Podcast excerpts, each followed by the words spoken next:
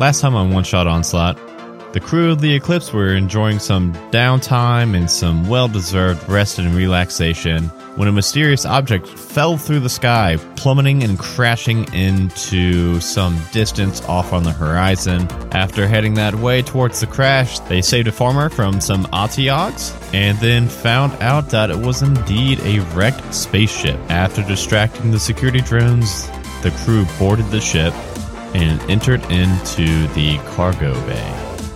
Uh, when you five uh, walk up into this cargo hold, you enter this large opening on the side of the structure, and the ramp is kind of uh, broken and hanging off just barely by the hinges. And you find yourself in this large, dimly lit room from glowing glass panels on the walls. The ceiling here is about 20 feet high. Lining the walls of this room are cages and other containers. Some of the containers have been broken open during the crash and are now lying empty but others remain sealed and contain creatures that you've never seen before, presumably. And the center of the room is this uh, large metallic dais where roughly a uh, 15 foot diameter, and upon which is this very large stone statue of this like grotesque looking beast. Uh, the statue is about the size of an elephant, uh, standing on two very thick legs. The beast also has four tentacles sprouting out of its body, and it's got a fang filled mouth and a sensory stalk on the top of its head with three big bulbous eyes pointing out in various directions. And on the far wall, you see a short staircase leading up to a uh, metal door. And to the left of that door is a large machine with a button panel on it with tubes connecting to other machines in this room. So, does this statue look similar to the Otyugh? Um, or does it look like a completely different creature? Does it look like a like a mutated version of one of those? Again, I think it makes sense for everybody to roll a space knowledge check for this. It's definitely a different creature. Eight, dang, Megan slash Ava, what have you been doing all night? You've been rolling so good in Roll20. I know, but do you remember too. if you if I can uh, re- direct you back to uh, the stream the other night when yes, that's true. I fully beefed it. it's pretty hit, hit or miss with me. Lita and Ava, and then also a Kanan are going to be able to point out uh, info. You're vaguely remembering this creature uh, with your 14, but the other three with the 20, 16, and 19, you all will know that this is a froghemoth. Froghemoth. And it is, it's like a a statue of one, a stone statue of a froghemoth, which uh, there is a rare froghemoth here or there, like reported sightings of them on Torel, though they are definitely not native to Torel. Uh, you know that they their origins are kind of unknown. The best kind of guesstimate is that they come from the Far Realms because they kind of look like Far Realms creatures, which you know have tend to have uh, tendrils and are kind of just alien in nature and strange looking. But other than that, you you three would be able to point out that that is a uh, froghemoth and not an Agioth or whatever that first thing was. And uh, as soon as you all walk into this room, uh, uh, a few things happens. First, uh, you all hear in your minds uh, a couple of these high pitched voices coming to you all. And uh, in the tanks around the room, and two of the tanks, you can see a couple of these. They look like jellyfish with again like these like ice sprout, uh, ice stalks on their heads, and they're floating and dancing in place. And you all hear telepathically again, Oh, you all here to save us? Hello there. Come on, let us out. Hello? Hello? Hello? Are, are the jellyfish asking us to let them out? Oh, that's. We don't like to consider ourselves jellyfish. We're flumps, but thank you for acknowledging us at least. Flumph, am I pro- is that am I pronouncing this correctly? Yeah, sure. Close enough. No, it's important. I want to get it right. Flumph. Could you spell it for us? F L U N P H. Flump. S if there's more than one. Flumps. Okay, I'll work on it. I'm Ava. Thank, thank you. You, you can just go ahead and let us out of here, and we'll be on our way. Um, would you mind actually posing while I draw you first? Yeah, no problem. and they all uh they all strike like a power pose together. Uh there's three in one tank and two in another tank. Uh but they all kind of go like back to back. And the three do kind of a Charlie's Angel pose. And, and the other two just all flex uh, all their jelly tendrils. And at that, as soon as they are, and you whip out your sketch pad and start drawing, uh, you actually hear a voice come over the intercom system in this room. There's a small box that's like directly on the ceiling, and the voice starts coming from it. Hello. I was not expecting guests. So if you've made it this far, it means you've somehow deterred my security droids or they were unable to deter you. But no matter. I'm going to give you this one last opportunity to just leave this place. If you don't, I'm going to be forced to make you leave. Hello? Don't listen to him. Don't listen to him. Just let us out. Don't worry, Flumps, we'll get you out of here. But first, you gotta tell us what's going on. Where are we and who the hell was that? What the flump is going on around here? Yeah, that's a Gorbalux. He's kind of a turd. He captured us. He captured a bunch of creatures in this room, and he just kind of a big, big time hunter. He calls himself.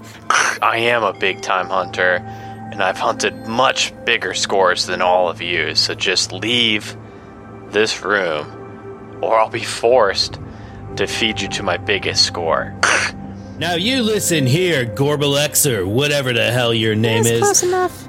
This is Captain Tiberius James Burke, and I'm going to bring justice to these flumps, whether I gotta risk my life to do it or not.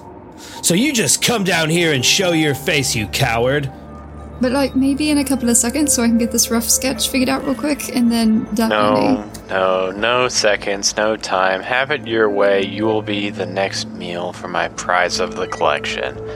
And then with a hum, the dais under that stone statue begins glowing this warm red glow, and in an instant, that statue unpetrifies, and the beast within awakens, and its eyes seem to lock in on all five of you it's, as it's scanning all five of you. And that voice continues. My pet, I brought you another meal. And with that, we will roll initiative as this big uh, froghemoth, as a few of you have pointed out. This elephant sized frog looking creature. I think I could actually send you a. I'll try to send a picture again so you all are picturing um, the right. It's a frog myth miracle. Just by looking, do these do these tanks with the flumps seem like something that's like a force field holding them in, or is it like glass that could be broken? It definitely looks like a glass, but it looks like a pretty thick glass. Are they swimming? Like, is it a terrarium or an aquarium? Um. So uh, in the room, uh, sorry, I'm trying to trying to type in how the fuck do you spell uh, How the uh flump? frog frog how the flump how the flump do you spell frog? Are you kidding me? This is like the only good roll. I swear to God. Um, Twenty-one. If you go D and D Beyond, okay. you can search frog. yeah, no, yeah. I tried searching frog and I got a bunch of like just regular ass frogs, and I was like, no, that's not it. So it's that thing uh, right there. Frogomir. oh wow, that's So Mike that's what it- Wazowski. and you can see to scale the size of the people. It is this is a big boy. Um, so sorry, what was your question, Megan? uh, oh, just whether the flumps needed water. Like, are they swimming around? Gotcha. Uh, so the containers that have the flump, the flumps in it, are on the right side, and they. I mean, it looks like they're like swimming in water, the way they're moving and kind of gliding, but there actually is no water in there. There cool. are two uh, similar size and shape tubes on the left side of the wall that are ha- actually have this green liquid in them, but there's nothing. It's empty. There's nothing in those vessels that are that have the green liquid. So these flumps are floaters. They are just floating away. Holy cow! Ava again got a Uh, so Ava, I think you're going to be first with your 25. So it will be Ava, Captain, Lita, Info, uh, Kanan, and then Froghemoth. And Ava, you are up first with this big. Uh, I said the picture in Roll20, but just for the audience listening at home, it looks like an elephant standing on two legs with four big long tendrils, and it's green like a frog. It's sharp teeth, nasty tongue, and it's just all around unpleasant. Cool.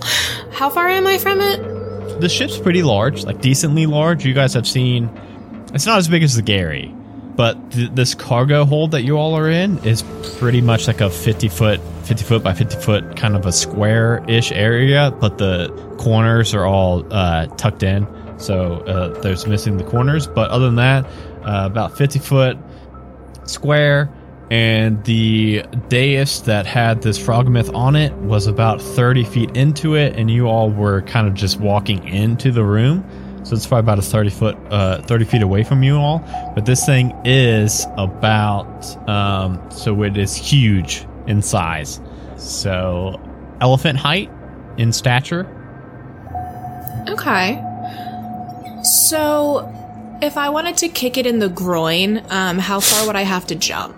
uh, you'd probably have to do like yeah like kind of like a jumping a jumping groin kick. But we could do it How exactly? I always forget how jumping works in D and D, like how you do the movement. as a monk i think you've got the jumping prowess for it I can just use my movement. Yeah, with your movement and your leftover movement from getting to it, uh, you would have enough uh, jumping momentum to hit it right square in the groin. All right, cool. Well, I'm going to attempt to do that. I guess I'll try and do a spinning kick right to the groin and try and get it twice. Um, that's going to be okay. Is that a one? Am That is a one. It's real, really feast or famine in here, isn't it? Uh, is. and a 19. Okay, so I get one kick. Uh, I get one, and uh, that's going to be for um, 11 bludgeoning damage, plus I'm going to uh, imbue my foot with some nice necrotic energy for an additional. Uh, Missed one testicle, got the other. yeah, exactly. One one's uh, what se- additional seven necrotic damage, and um, that's uh, that. I think for for a bonus action, I'm going to use patient defense and take the dodge action. So I think it just has disadvantage on me, or I have advantage on saving throws or something. I forget exactly what dodge does. Something, something, dodge. Yeah. Well, uh, if that is all that Ava's got, we go to Captain with Lita up next. Captain Burke is going to go, Oh, you're a collector? Well, I'm a bit of a collector myself. And I'm going to pull out this little capsule. And when I throw it on the ground in front of me, uh, a large dinosaur appears in front of me. Okay. what is this spell? Is it like a gachapon egg? Like, what is I'm using it's like a capsule corp capsule. I'm using my conjure animals to summon a, uh, a Deinonychus, which is a dinosaur from the Volo's Guide to Everything, and I'll I'll go ahead and just send you that link to those stats. Do I need the stats or do you need the stats? Well, I just didn't know if you wanted to look at them. No, I. You think I can. Is care. Captain I Burke a collector I don't. or a Pokemon trainer? Yeah, fucking. This sounds like a Pokemon ball. I you choose just- you. He's a ranger. So he summons this creature. It's probably about 14 feet tall, has like maybe a tail, probably 16 feet long or so. Um, it has a big, it has like long arms with like feathers coming off the wrist down to the elbows, and then long talon like claws on the front. There's also enormous talons on its feet, and then its tail also looks slightly feathered. Its head has like these long pieces of fur that kind of like half fur, half feathers dangling down. Um, it's like brown and orange with like red tipped feathers, but it's going to just let out a loud like and start running uh, towards that as I command it to attack. Jeez. Uh, even so, even how how big this thing is, it's still kind of dwarfed in size by this big frog. Mm-hmm. Uh, but go ahead and roll whatever this thing. And then do. I'm also going to move. So I'm going to tell it to attack, but then, like, you know, I'll use my movement to move to the far left side of it so that at least me and the thing I summoned will be flanking. cool. I don't, yeah. So this thing is going to go ahead and run an attack. If it moved at least 20 feet straight forward, it hits with a claw attack on the same turn. So uh, now it must, or if it does hit it, it's going to have to succeed on a DC 12 strength saving throw or be knocked prone. There is nothing mentioned about size limitations. Well, that sucks. Uh, well, let's see if you hit it. Does it get to make a? So you try to hit it? Yeah, hit it's it making first. an attack. So it's going to attack. So the multi attack, the Deinonychus makes three attacks one with its bite, two with its claws. So it's going to uh, first hit you with the bite for 17 to hit, then the claw, and then the other claw for Wow, a 20 to hit and a 21. All of them hit. So the bite is going to be 1d8 plus 2, and the claws are each going to be 1d8 plus 2. 7, 10, and 8. So it's going to hit it for a total of 25 damage. Um, now, because it rushed forward and hit it with those rending claws, uh, the Frogomir, or whatever it is, is going to have to make a DC 12 strength saving throw or it is knocked prone. Is it prone? Uh, it rolled a twenty-one. Yeah, 21. So it doesn't get knocked prone. But had it get knocked prone, and I, um, I, I would be able to make an additional attack as a bonus action. Okay. Yeah, it's able to uh, stand its ground with its massive size and not get knocked over. Uh, anything left for Captain? Or are we moving on over to? Uh, the, no, because I used my action to cast that spell. But in the future, the Deinonychus can act independently without using my action How long does that last? until it is killed. Actually, let me see. it, is until it, is, it is until it's killed, or until, yeah, I guess until it's killed, or const- is it it is concentration, but I don't see, I don't know that it disappears. Oh yeah, it's it disappears when it drops to zero hit points, or if the spell ends. So yeah, so if my concentration gets broken, I suppose. Okay, cool.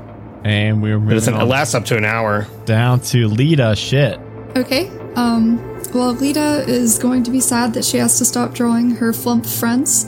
Um. But she will turn around and throw some Eldritch Blast at this thing. I'm so happy I have that for this. It's so nice. Uh, Lita, while you were, uh, you know, up up on the flumps and giving them all this attention, uh, they're saying to you, You can just you can just go re-petrify that thing on the on the control panel right there. There's a control panel up there. You just press a button, and you can freeze it again. Where's the control panel? It's right. It's by the door. It's by the door. and they form like an arrow pointing towards the door. it's by the door, Lita. Okay. Well, then I will like sidestep over to the door and try to push the button. I don't think these things would be able to quickly enough tell you exactly uh, which button to press. Uh, so I think for now, what we should do is an intelligence check to see if Oh, you can kind of because when you get to the control panel, there's a few buttons scattered about on on this thing. okay, just a straight intelligence check. Yeah. Um. No pressure. So these things were like able to at least communicate to you. What? Oh my god, a 20?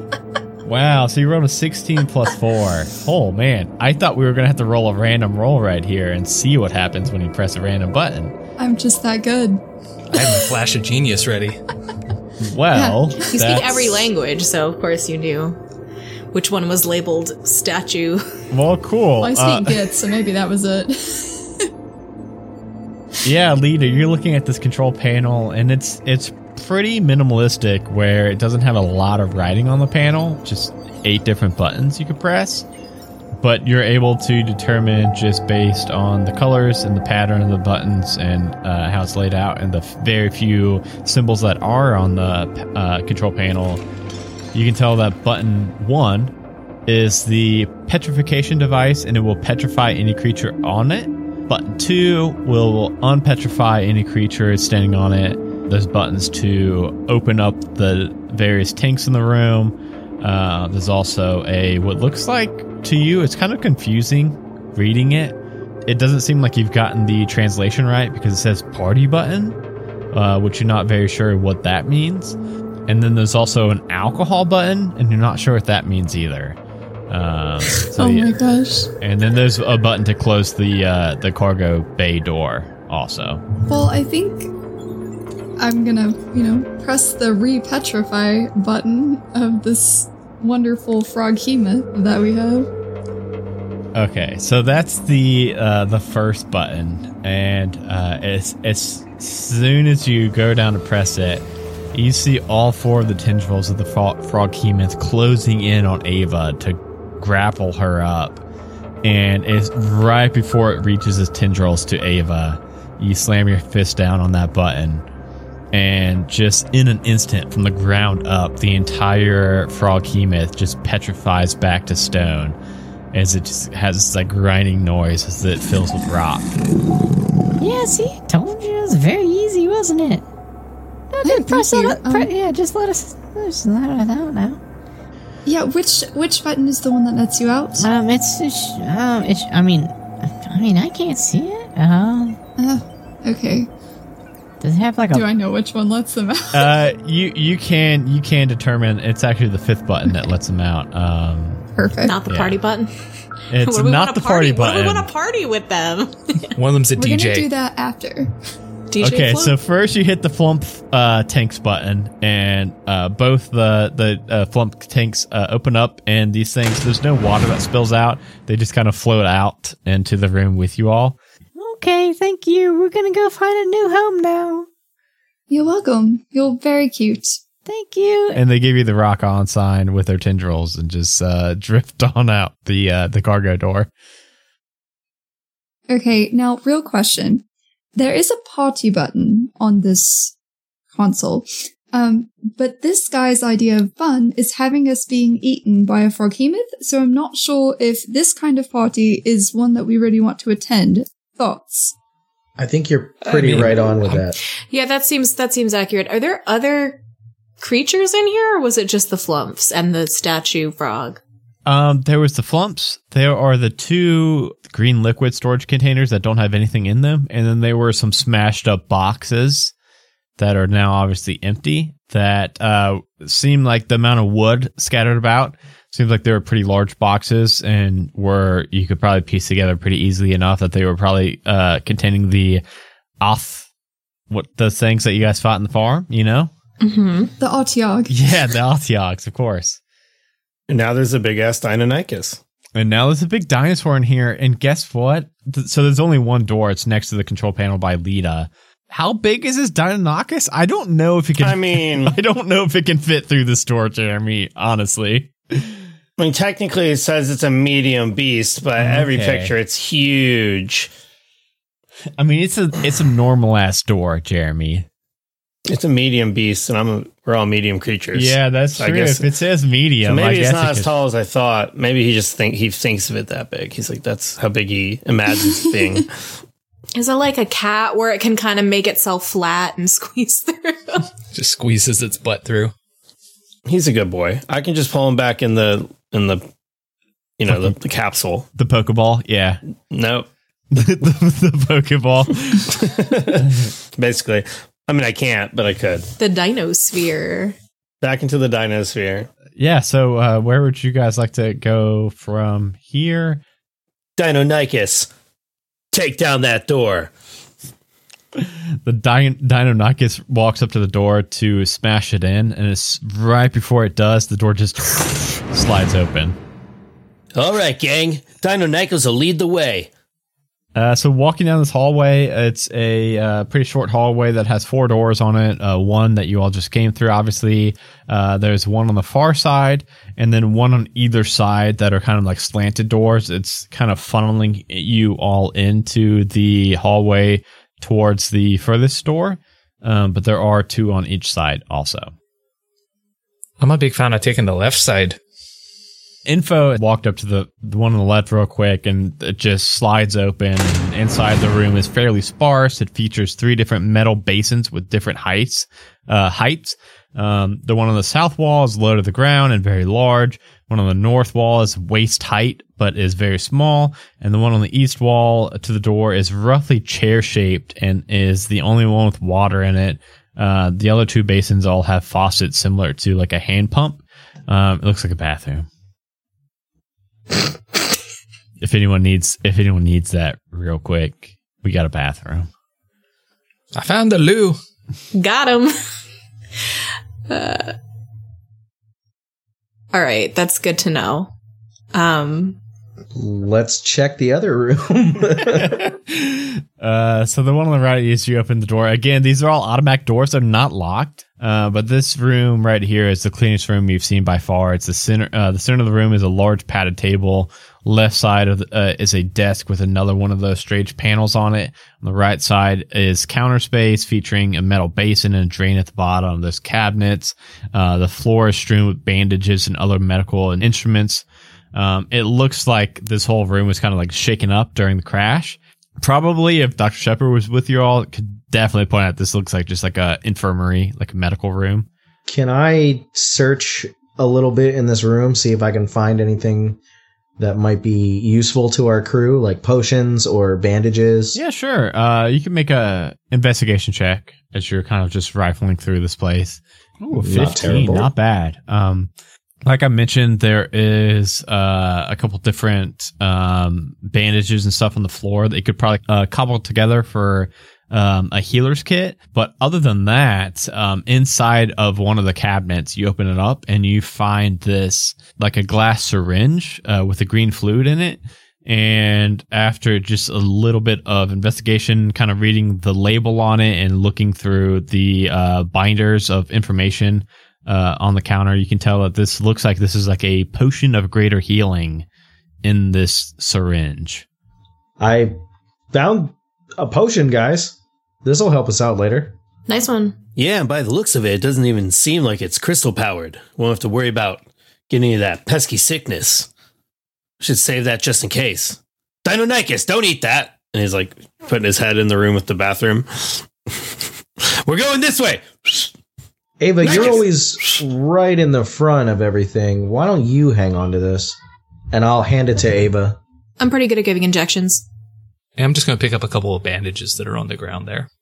Okay. So, uh, you could, uh, info could piece together enough bandages for a healer's kit. Uh, and then there's just that final door at the end of the hallway. Well, what's behind door number three? Is this one locked? This one is unlocked, much like all the others. Uh, it, and you all would probably chalk that up to being some kind of failsafe, like a security failsafe, where if the ship has taken on so many, so much damage and the uh, like structural integrity is so compromised that the locking system has probably given way because you walk up to this door and again it just slides open and it reveals inside this large room with several uh, small alcoves that appear to have these various purposes. There's a sleeping area with this rather kind of just utilitarian bed in it. Uh, there's a storage area lined with shelves and cabinets, a workbench with uh, some additional control panels on it. On the far side of the room is a pair of chairs sitting facing that smashed uh, glass cockpit. Um, the seat on the left swivels towards you, and a cloaked figure rises from it and faces you all. Well, you'll leave here now if you know what's good for you. And he says as he pulls this metallic cylinder uh, from his belt, and he presses a button, and you see this bright, glowing yellow light emanate from it, uh, transforming it into a weapon pointing in your direction. I really didn't want to have to do this. Well, we came here to investigate based on a random ship, and you've just sent monsters after us. Listen, I am a collector of sorts. And at this whole this whole time, he's holding out that. I mean, it looks like a lightsaber. but I I didn't want to come to Terrell. I the last place in the universe, the multiverse, I'd want to come is Terrell. My ship obviously crash landed here, and now I'm just trying to get patched up and leave. And you all are here letting loose my creatures, attacking my security drones. This is my last and final warning. Just leave. Well, laddie, the flumps weren't sentient. You kind of just trap sentient beings. And we didn't really attack your security drones. They kind of um acted like a cat and went ooh shiny and followed the little robot who ran away. So we didn't actually touch them. So you distracted my droid. So okay, so my droids are still fine. Is what you're saying? Yes. Your droids are fine. Well, thank you. That is some peace of mind knowing that they're at least not absolutely worthless and a waste of money that I paid for them. So Yeah, I wouldn't go that hear. far, laddie. They were pretty easy to distract. They're pretty stupid. Might want to get an upgrade. Yeah, next time you might want to invest in a model that's a little less flashy but got a little more uh, weight to it. Okay, will do. I love this advice I'm getting. I really do. However, I do see the Lord's Armada insignias on your all's chest. I'm gonna have to ask you just one final time to leave. Uh, myself and the Lord's Armada are not on the greatest of terms, and uh, I just I need you off my ship right now. and he's still just hoarding out that uh, lightsaber at you all. It's actually a um, a sunblade, but I like calling it a lightsaber for this setting. I'm gonna hold out my phaser and say, "By the power invested in me and the Lord's Armada, I am placing you under arrest." Actually, um, everybody, real quick, roll me a. I think history check is the best check for this. I really hope the captain rolls well because I think the captain would make most sense to know this. So no pressure, Jeremy. Not great. We'll see. A two. the captain has not been rolling super good all night, but uh, info, luckily, info is able to uh, pull from everybody else and be able to uh, point out that this is indeed uh, Gorberlex, who is one of the highest tiered wanted bounties of the Lord's Armada for rare and endangered species uh, capturing and trading. He's he's definitely high on the priorities list of either uh, bringing in dead or alive. So you thought that that saying I'm not on the best terms with the Lord's Armada to people that you know are the Lord's Armada was going to be a good thing for you to do or Well, I thought it would maybe point out the desperation of the scenario and let you know that it's not going to just be an easy situation to diffuse at the moment. Right, okay. Laddie, you're about as wanted as Kivas Fajo. Yeah, so obviously I'm not going to go out uh, alive and not swinging, so I'm just trying to give you all a fair shake on the deal and let you all just leave and give me a few days to repair my ship and leave Torel. Very well, Deinonychus, attack! Uh, we're going to roll initiative. I thought it was going to go this way. and if he moves more than twenty feet, then that's when he gets to knock him prone and maybe get an extra attack. Awesome, Whitney. nice nat one you got. You know, it was it was just time. You've been The rolling pretty give it, good and the dice take it away. So So Burke's got a seventeen. It's just initiative. It's not like it matters. I got a, right? I think I got a 2, right? Or no? And Ni- Deinonychus Yeah. got a 19. Dino Deinonychus is like a Digimon. All right, so Dino is up first. Uh, so this the the scene is you're all in a uh, room that's a, it's like the deck of a ship, kind of circular. We'll say that just for the sake of spells and everything, it's about a 20 foot uh, circumference in this room, and you all came at the edge of it, so you're about about 30 feet away from Gob. Is that is that your dinosaur rolls? Those two 19s? Is that All three of them. The 23, 19, and 19. Cool. He gets one bite and then two claws. And then, since he moved 20 feet, um, he's going to have to make a constitution saving throw. or strength saving throw. I'm sorry, a DC 12 strength saving throw. This OP summon. Up, so he then is knocked prone, and I get an additional claw attack, which is a 21 to hit. Okay, okay, gotcha, gotcha, gotcha. Um, so it's going to be four sets of 1d8 plus 2. 3, 5, 8, 3. So 21 total damage, and he's knocked prone. 21? Was that? Yeah, 21, 21 damage, and he's knocked prone. Uh, so it'd be 21 slashing. Well, most of it's slashing. I guess some of it's piercing. Some of it. Yeah, okay, cool. It's a delicate distinction. Gotcha. Okay. Uh, all right, there goes your fucking uh, Digimon. Um, now, what's Captain doing? After that, Captain Burke is going to. I imagine like it just uh, kind of appears. I mean, it's not magical or anything, but it's like his bat'leth. It's not like it was just on his side. It's like he can kind of make it appear, and now he's got this awesome big ass bat'leth in both his hands. Um, so he's wielding that weapon, and I'm going to run forward. Um, how far can I get to it in one movement?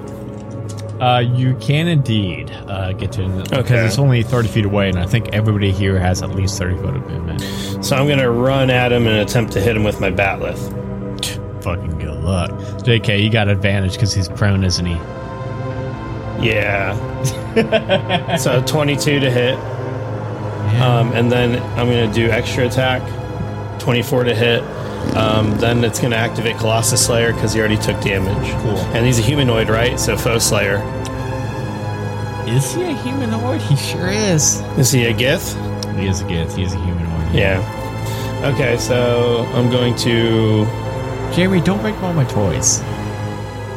Quit breaking my toys, Jeremy. This is my one night. This is my one night to shine. So hit with the first bat'leth for 5 damage, second bat'leth for 5 damage, plus 1d8 for Colossus Slayer. 7 more damage, so that's 17 total, and then 1d4 for Foe Slayer. 1 more damage. So total of 18 damage. Yeah, so you run up with your big bat'leth and just start uh, stabbing it down on this prone guy. Next up is Kano. Uh, seeing this getting quickly out of hand, I am going to step forward and, much like Havoc from the X Men, a bolt of lightning erupts from my chest and flies towards this guy. He needs to make a dexterity saving throw. Well, it doesn't matter. I rolled a three. I try to roll out of the way real quick, but Okay, so you're going to take a bunch of lightning damage. I sure as shit am with my plate armor. And this thing kind of looks like the Mandalorian. You mean you mean the Scandamorian? The Scandamorian, yeah, the Scandamorian, yeah. The guy with the helmet show. The guy with the helmet.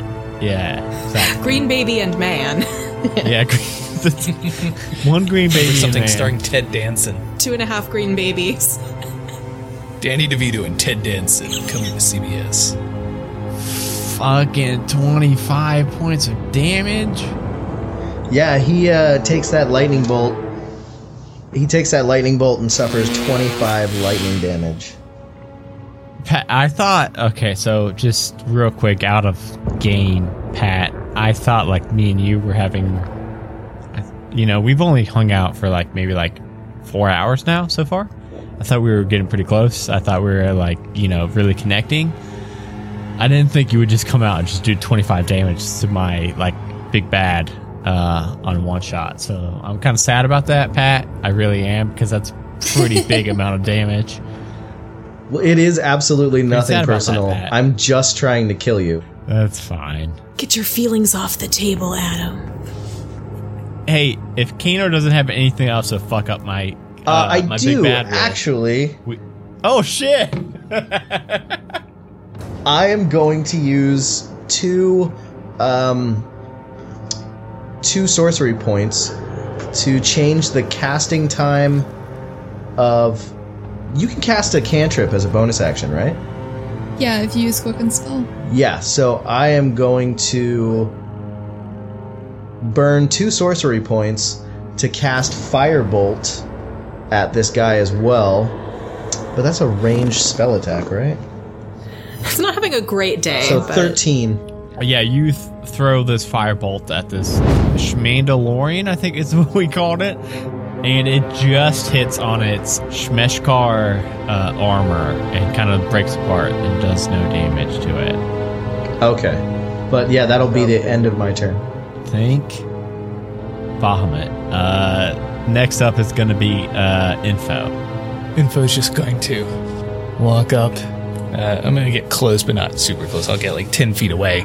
And uh, Rodney's going to run up next to him as I'm like walking up to him. like, Rodney, get around his head, lad.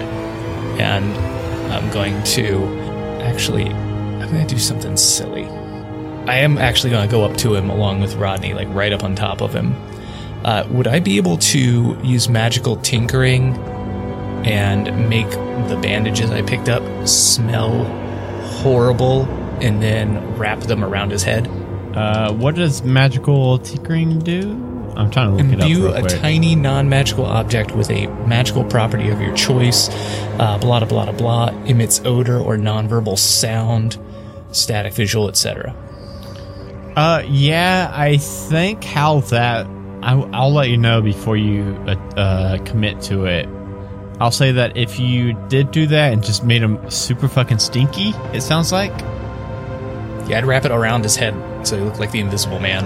Um, I'd probably uh, just do that. No damage or anything, but it would probably grant him probably like disadvantage on attack rolls and stuff due to the stinkiness, unless he used an action to unravel it and tear it from his head.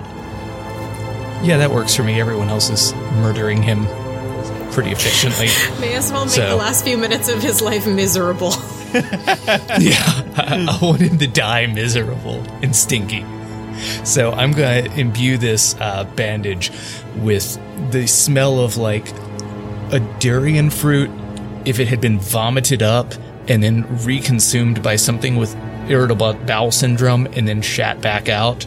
So it's to be like just the most horrendous odor he has ever smelled in what is his life and what will end his life there in that time frame. Wrap it around his head and that will be my turn. And Rodney, tamp him, lad. And Rodney's just gonna go with the tamper thumbs. That's probably got a plus, right? Uses your spell attack modifier to hit. Uh, so whatever your spell attack modifier is. Oh, well, shit. Plus six spell attack. Uh, so it does indeed hit for uh, how much damage is that? That is one d8 plus three, so five. Uh, so five damage. Okay, cool. So Ronnie goes over and just like starts trying to gouge this thing's eyes out. As, Locks onto his uh, head. Yeah, as we go to Ava now. Ava, this thing is starting to, it's trying to get to its feet. Obviously, on its turn, it's going to try to get to its feet, but it's still technically prone.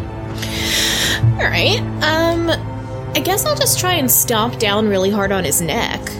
Ava does not like it when people are not responsible pet owners. I kind of want this guy to die too, because he's pretty shit with his pets. 22. Yeah, 22 will hit. And all right, so I'm gonna take two two stomps. All right. Well, again, like uh, you know, it's good that I get two of these because I always get one out of two. You got that one foot that doesn't work right. Yeah, one side tonight is not going great. Um, yeah, so I've got uh, there's gonna be eight damage for that unarmed strike plus um, hands of harm is gonna be an additional uh, six necrotic damage, so that's fourteen. And then, honestly, while I've got him here, I might just keep stomping on his neck. Uh, flurry of blows for two more. Thirteen probably doesn't hit, right? Twenty-seven though. Uh, okay, yeah. The second the second one that hits is going to be uh, nine damage. So mm, total of what twenty three. Um, and that is Ava's turn. Just uh, just kicking a man while he's down. Good. Um, it's going to go to Gob's turn now.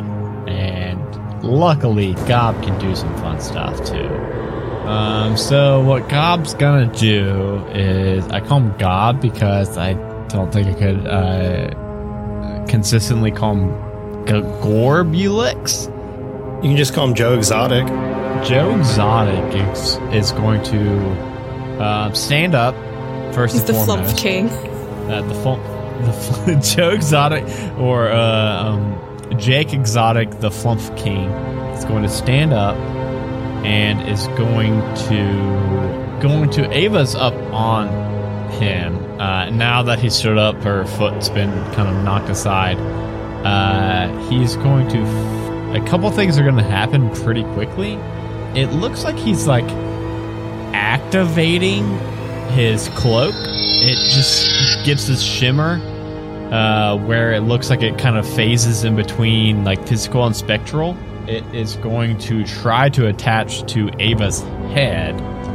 And that's going to be a 13 plus 6, a 19, Ava. Uh, yeah, that is gonna hit.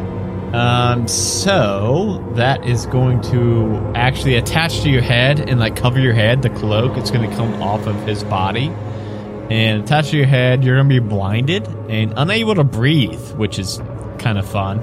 And then it's going to just do another real quick. The tail end of the cloak is going to try to uh, swoop at you. Also, uh, which is going to be a two plus a six, so an eight. No, it does not. Ava? No, it doesn't. Of course. Uh, on that on that first one, uh, could I use Rodney's ability actually? Deflect attack. Yeah, you definitely could. Yeah. What's that do? Give me disadvantage. Defender imposes disadvantage on the attack roll of one creature it can see that is within five feet of it. Uh, well, instead of it clamping down on Ava's head, it is instead going to not clamp down on Ava's head. Hashtag Rodney rules. Thanks, Rodney. That's our Rodney. Dun, dun, dun, dun, dun.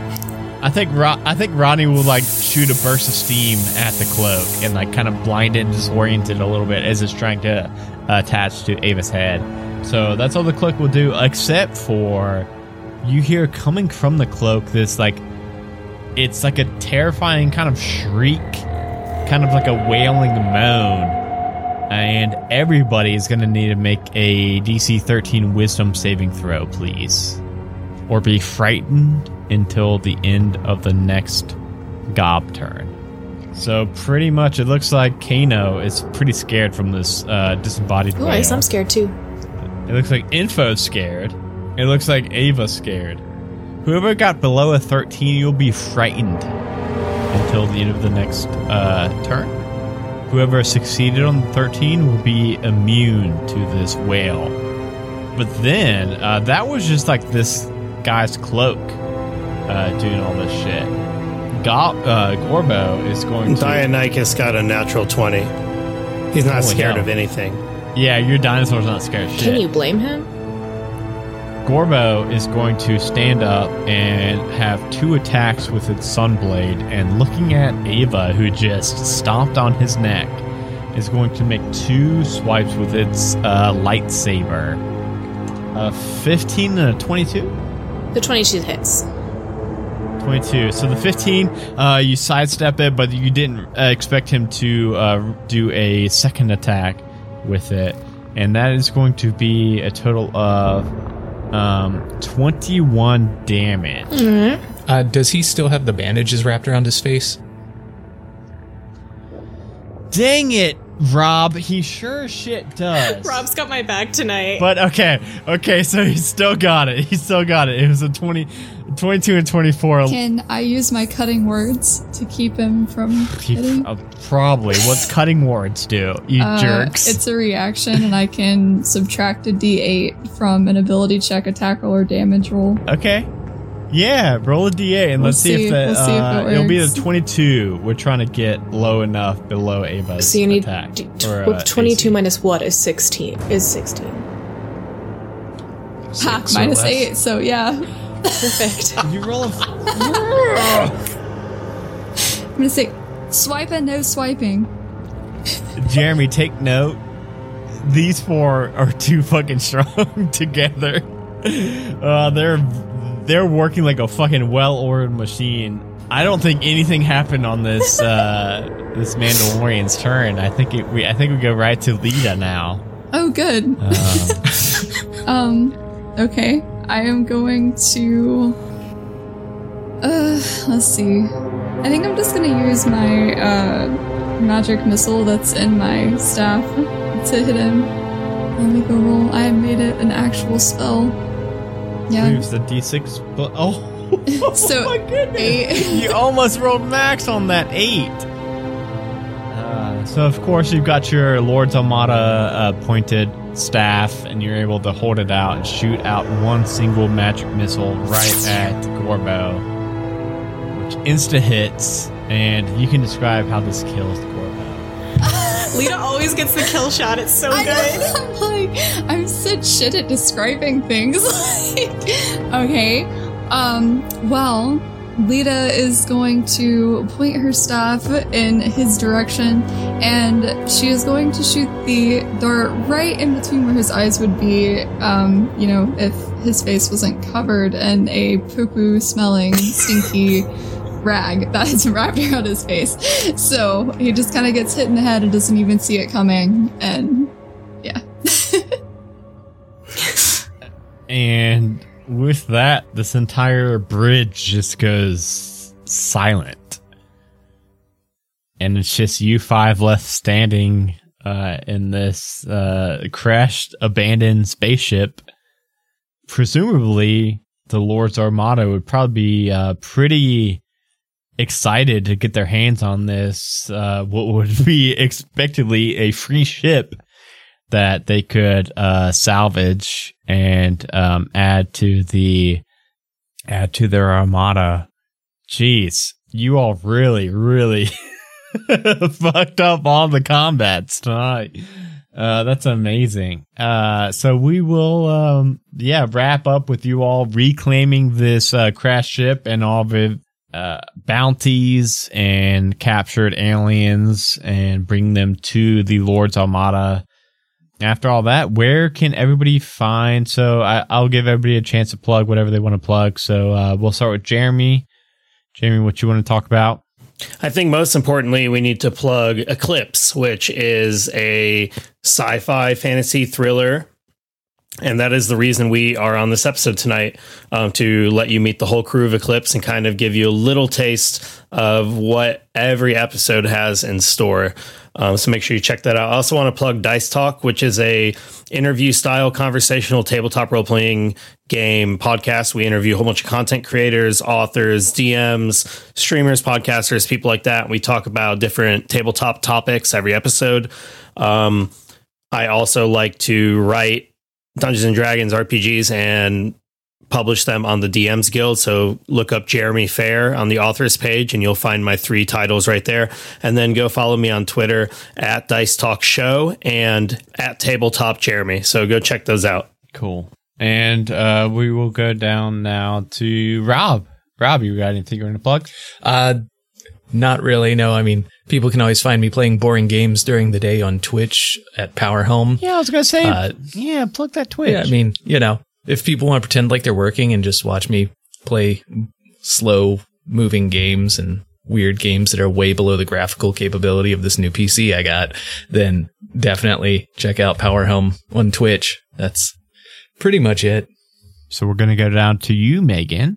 Where can people find you at? Uh, people can find me on Twitter at Meghan Kelleher three. That's M E G H A N K E L L E H E R three.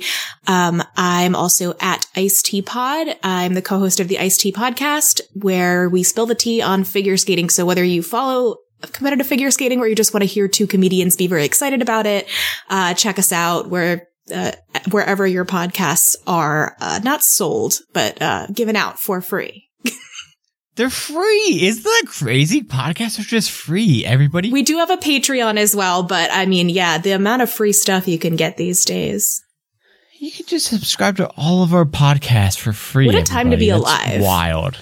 What a time to be alive. And which brings us to you, Whitney. Whitney, what you got to talk about? Um, well, I don't really have much to plug. You can definitely find me on Twitter at eight, the number eight, bitwit with two T's. If you want to, I just play a lot of Animal Crossing, so I literally just post a bunch of video game stuff and my Animal Crossing designs. So all of my artsy stuff is on hold right now, but one day I will make dice trays again if anybody wants dice trays at some point. But It's gonna be a second. Awesome. And uh, Pat actually just had to dip out to go get dinner for him and his family and his kids. But obviously, you can find Pat at uh, Jeremy. I saw you unmuted. You want to plug some Pat stuff? Yeah, you should definitely uh, check out Pat's awesome actual play D and D podcast, Dice Chronicles. It has um, very very high quality production. I would say almost on tier with Eclipse. So you should totally go and check that out. Almost. Oh, keep him humble. He's humble. not here. He's not Sean here to defend himself. yep, Well, they don't have Rodney or Apricot. That's true. that's true. But yeah, it's uh it's but yeah, it's really really good. So go check that out. They're they're doing some adventures in the Feywild, and it's a really interesting setting. It's really cool. Definitely. That's a lot of fun too. Yeah. And then uh, for me, I'll probably talk about some stuff at the uh, outro of this episode because I usually do some uh, edited in outros for One Shot Onslaught. So uh, just listen to the outro and also the outtakes after the outro because they're usually pretty fun. And um, yeah, thank you all so much for joining. It has been an absolute blast. Uh, can't wait for everybody to listen to uh, Eclipse, which is now currently has one episode out as of this episode going out. And I think if I'm doing my calendar math right, there should be an episode of Eclipse coming out in two days from now from this episode releasing. So go check that out. There should be at least two episodes of Eclipse out on your podcatchers now. And again, uh, thank you for listening, and we will talk to y'all later. Bye, everybody. Bye.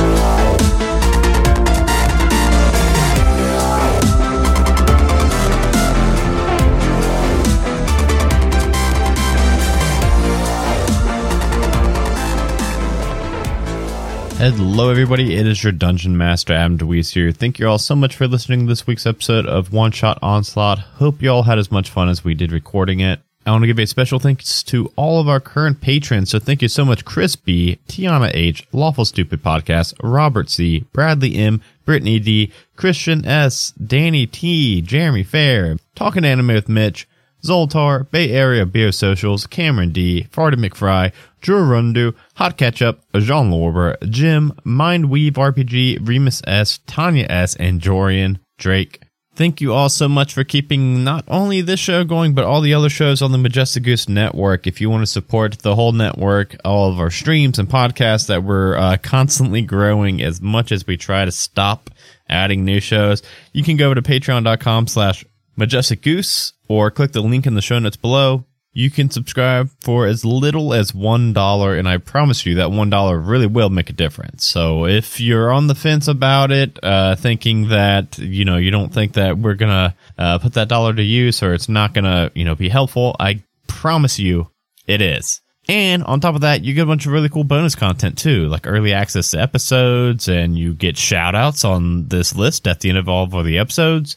There's bonus content. There's a soon to be released a uh, Patreon exclusive podcast that will forever be a Patreon exclusive podcast for one dollar and up called and Snore, uh, where it's me talking about D and D lore with just some mellow music in the background. It's a very good podcast to fall asleep to. Uh, so go check that out. And also, uh, the biggest thing I want to talk about right now is April 9th through the 10th, we are having our second annual Extra Life charity event. Last year, we had a goal of $500 and we crushed it with like $3,200 about by the end of the 24 hours. So this year, we're going big. We're going to set the goal at $3,000 and we're going to try to top it. And we really, really need your help to do so. You can go to bit.ly slash goose 2021, donate as low as $1 right now, and be entered into every single giveaway we have throughout that 24 hour event.